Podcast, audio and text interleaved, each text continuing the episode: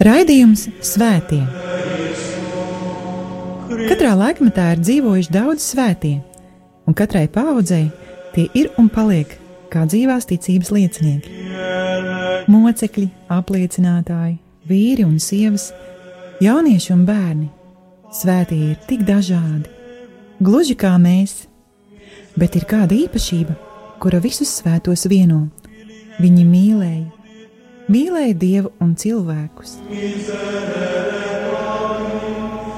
Raidījums par svētījumiem ir stāstījums par Dieva mīlestības reālo klātbūtni mūsu dzīvē. Santa Trinitas unos Deus, miserere Lai ir slavēts Jēzus Kristus, mīļie brāļi un māsas Kristu, cienījamie radio Marija klausītāji! Ir pienākusi kārtējā ceturtdiena un e, ir pienācis laiks raidījumam par svētajiem. Pie mikrofona esmu es, priesteris Večeslavs. Šī gada raidījumi par svētajiem ir veltīti tiem svētajiem, kurus baznīca ir apveltījusi ar lielu pagodinājumu, nosauca tos par baznīcas doktoriem jeb baznīcas mācītājiem. Kā jau iepriekšējos raidījumos teicu, uz doto brīdi baznīcas doktoru ir 36. Un jau runājām par eh, svēto Dominikāņu ordeņa mūku priesteri Tomu no Akvīnas, kuru iecēla baznīcas mācītāju godā 1567. gadā.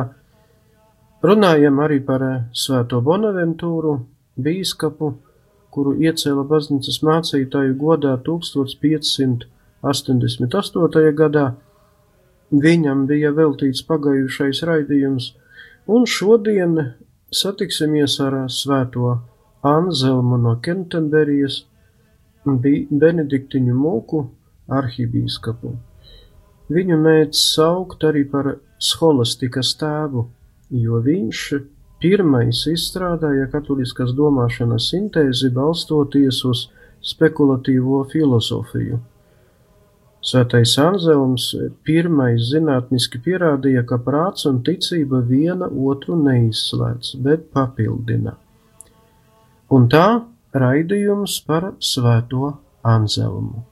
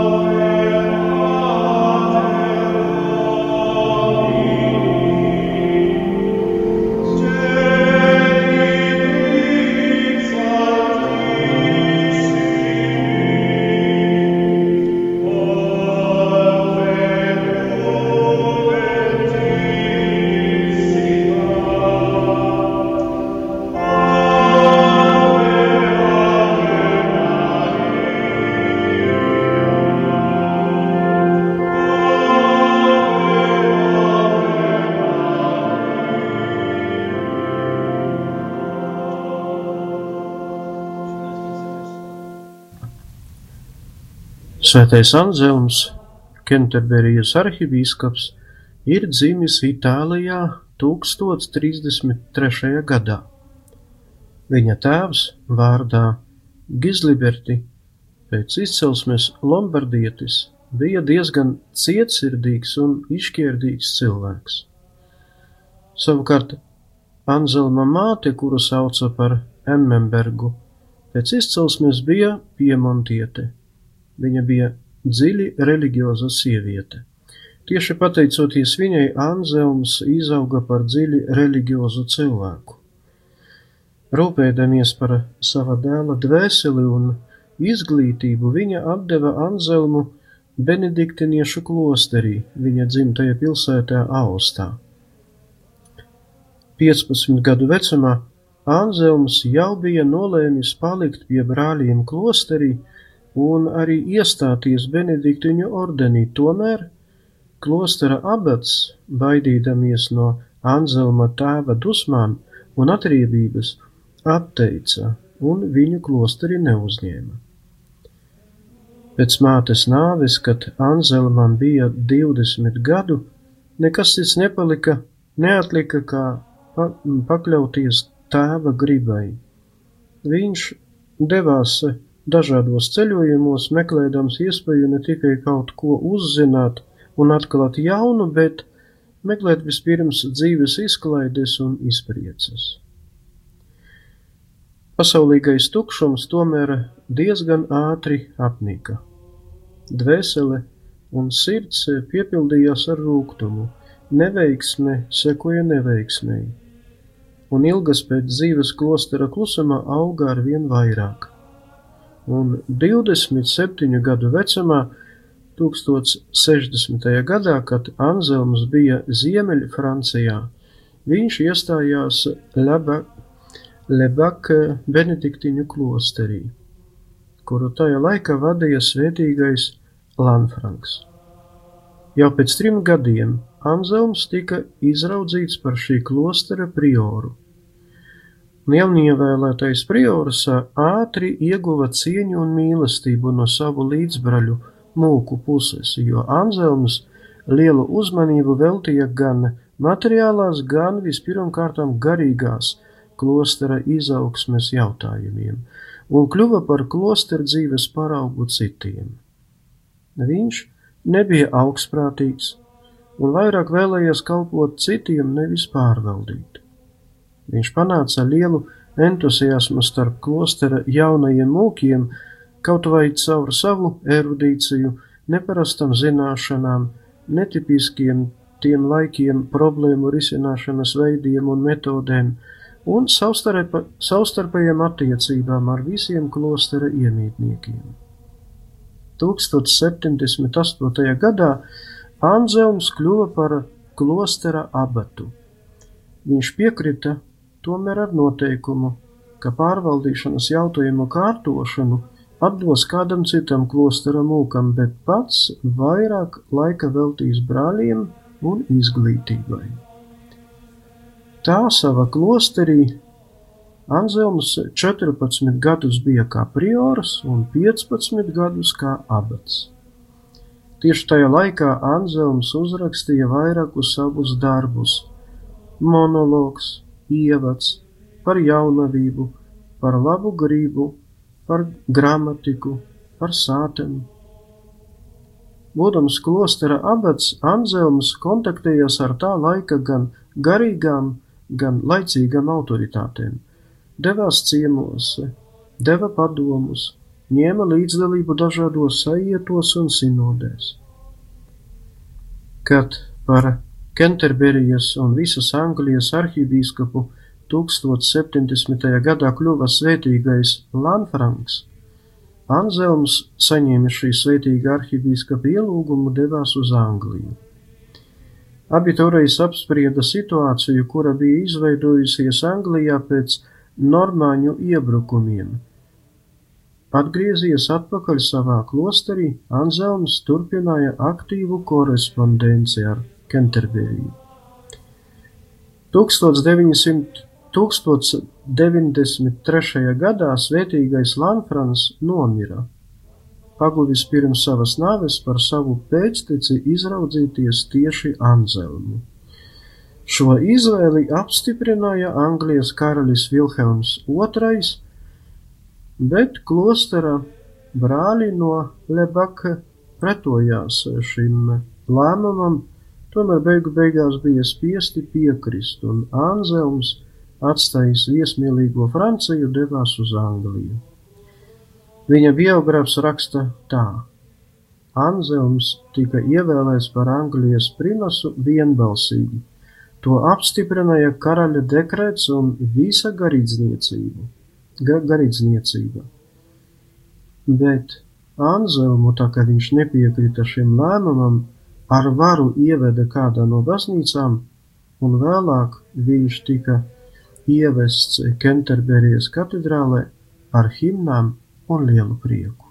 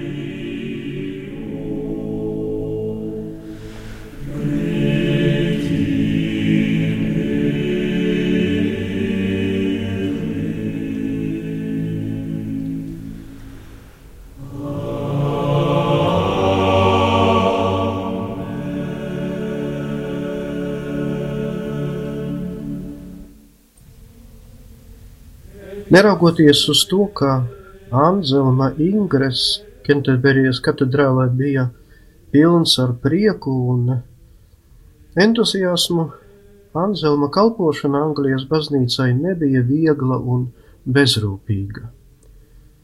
Gan karalis Vilhelms I, viņš nomira 1087. gadā, gan karalis Vilhelms II, viņš nomira savukārt 1100. gadā, Sava laika veltīja Anglijas baznīcai ļoti lielas rūpes un eh, līdz ar to bija pieraduši turpat kā pie vienpersoniskās baznīcas pārvaldīšanas, un arī necieta bīskapu un vai pat pāvesta centienus risināt baznīcas jautājumus saskaņā ar baznīcas likumiem, neņemot īpaši vērā karaļa klātbūtni.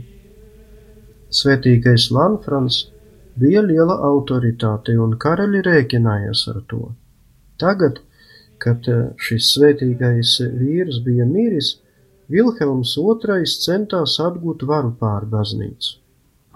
Karalis centās pakļaut sev Anzelmu, padarīt viņu atkarīgu no karaliskās varas.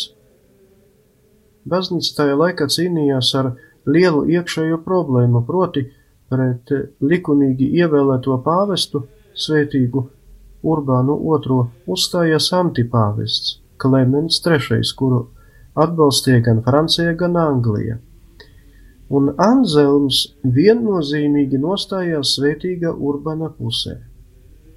Lai akcentētu šo savu nostāju, Anzelms pat devās uz Romu, lai no Urbāna otra rokām saņemtu arhibīskapa palīgu. Atgriezies no Romas, Anzelms starp dzīvajiem vairs nesastapa karali Vilhelmu II, un par Anglijas karali jau bija kļuvis Henriks I, kura grēcīgais dzīves veids panāca asu baznīcas nosodījumu. Karalis bija apprecējies ar Skotijas karaļa meitu, kura bija jau iestājusies klosterī. Vēl vairāk, karalis sāka iztirgot baznīcas īpašumus un amatus tajā praktizējot tā saukto simoniju – labākas vietas par labāku un lielāku naudas summu. Pret šo patvaļu asi uzstājās svētais Anzelms, un Anzelmam tika pavēlēts doties izsūtījumā. Bet problēmas atrisināja Anglijas un Romas diplomātija. Karalim bija jāatsakās no Simonijas praktizēšanas, bet Anzelmam bija publiski jāapliecina savu uzticību Anglijas karalim. Anzelms līdz ar to varēja atgriezties uz Kenterberiju. Savas dzīves pēdējos gados Anzelmam izveidojas lielas domstarpības ar Jorkas metropolītu. Jorkas metropolīts vēlējās kļūt par Anglijas primasu. Tomēr tajā laikā Anzelmam izveidojas draudzīgas un ļoti sirsnīgas attiecības ar Skotijas un Īrijas klēru. Anzelms visādi atbalstīja klosteru attīstību un veltīja laiku arī rakstniecībai.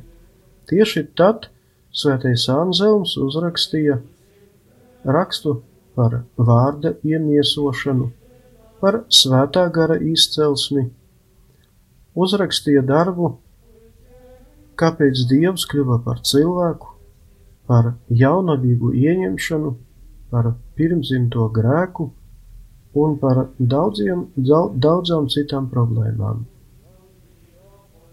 Jāsaka, ka Anzelma nāve bija patiešām svētlaimīga. Viņš nomira, kad viņam tika lasīti svētie raksti, proti fragments no Svētā evaņģēlija, jūs izturējāt ar mani manos pārbaudījumos, tāpēc es jums nododu manu valstību, kā man to ir nodevis mans tēvs. Svētais Anzelms mira 76 gadu vecumā, 1109. gadā, un tika apbedīts Kenterberijas katedrālē. Viņa godināšanu apstiprināja pāvests Aleksandrs septītais tūkstoš četrissimti deviņdesmit otrajā gadā, bet pāvests Aleksandrs astotais tūkstoš sešsimt deviņdesmitajā gadā iecēla Anzelmu svēto kārtā. Savukārt 1720. gadā pāvests Klemens 11. iecēla svēto Anzelmu baznīcas mācītāju kārtā. Svētā Anzelma relikvijas līdz pat šai dienai atrodas Kenterberijas katedrālē, neraugoties uz to, ka katedrāle nepieder katoļiem, bet anglikāņiem. Īpašas ievērības cienīgi ir tie svētā Anzelma darbi, kuros viņš apskata ceļus, kas ved cilvēku pie Dieva. Saikne, kura pastāv starp cilvēka prātu un ticību, un arī Anzelma darbi par vissvētākās jaunavas Marijas bezvainīgo ieņemšanu. Ir palicis ļoti daudz viņas prediķu un vēstuļu. Anzelmu uzskata par vislielāko teologu un rakstnieku, kas dzīvoja pēc svētā Augustīna, un viņš kopā ar svēto Akvīnas Tomu tiek uzskatīts par scholastikas pamatlicēju. Lūksimies! Kungs Dievs, Tu svēto bīskapu Anzelmu aicināji neatlaidīgi meklēt un cilvēkiem sludināt Tavas gudrības lielumu. Liec, lai ticība palīdz mūsu prātam un sirdī pieņemt Tavu mūžīgo patiesību. Mēs Tevi lūdzam mūsu Kunga Jēzus Kristus Tava dēla vārdā, kas ar Tevi svētā gara vienībā dzīvo un valda Dievs visos mūžu mūžos. Āmen! Liels paldies par uzmanību, lai Dievs jūs sveitī, un nākamais raidījums būs veltīts svētajam Izidoram no Seviļas, bīskapam un baznīcas mācītājiem. Lai ir slavēts Jēzus Kristus!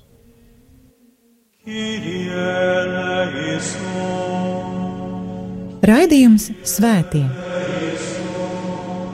Katrā laikmetā ir dzīvojuši daudz svētie, un katrai paudzei tie ir un paliek kā dzīvās ticības liecinieki. Mocekļi, apliecinātāji, vīri un sievas, jaunieši un bērni. Svētie ir tik dažādi, gluži kā mēs, bet ir kāda īpašība, kura visus svētos vieno Viņi mīlēja, mīlēja Dievu un cilvēkus. Raidījums par svētījumiem ir stāstījums par Dieva mīlestības reālo klātbūtni mūsu dzīvē. Santa Trinitas unus Deus, miserere nobis. Sancta Maria, ora pro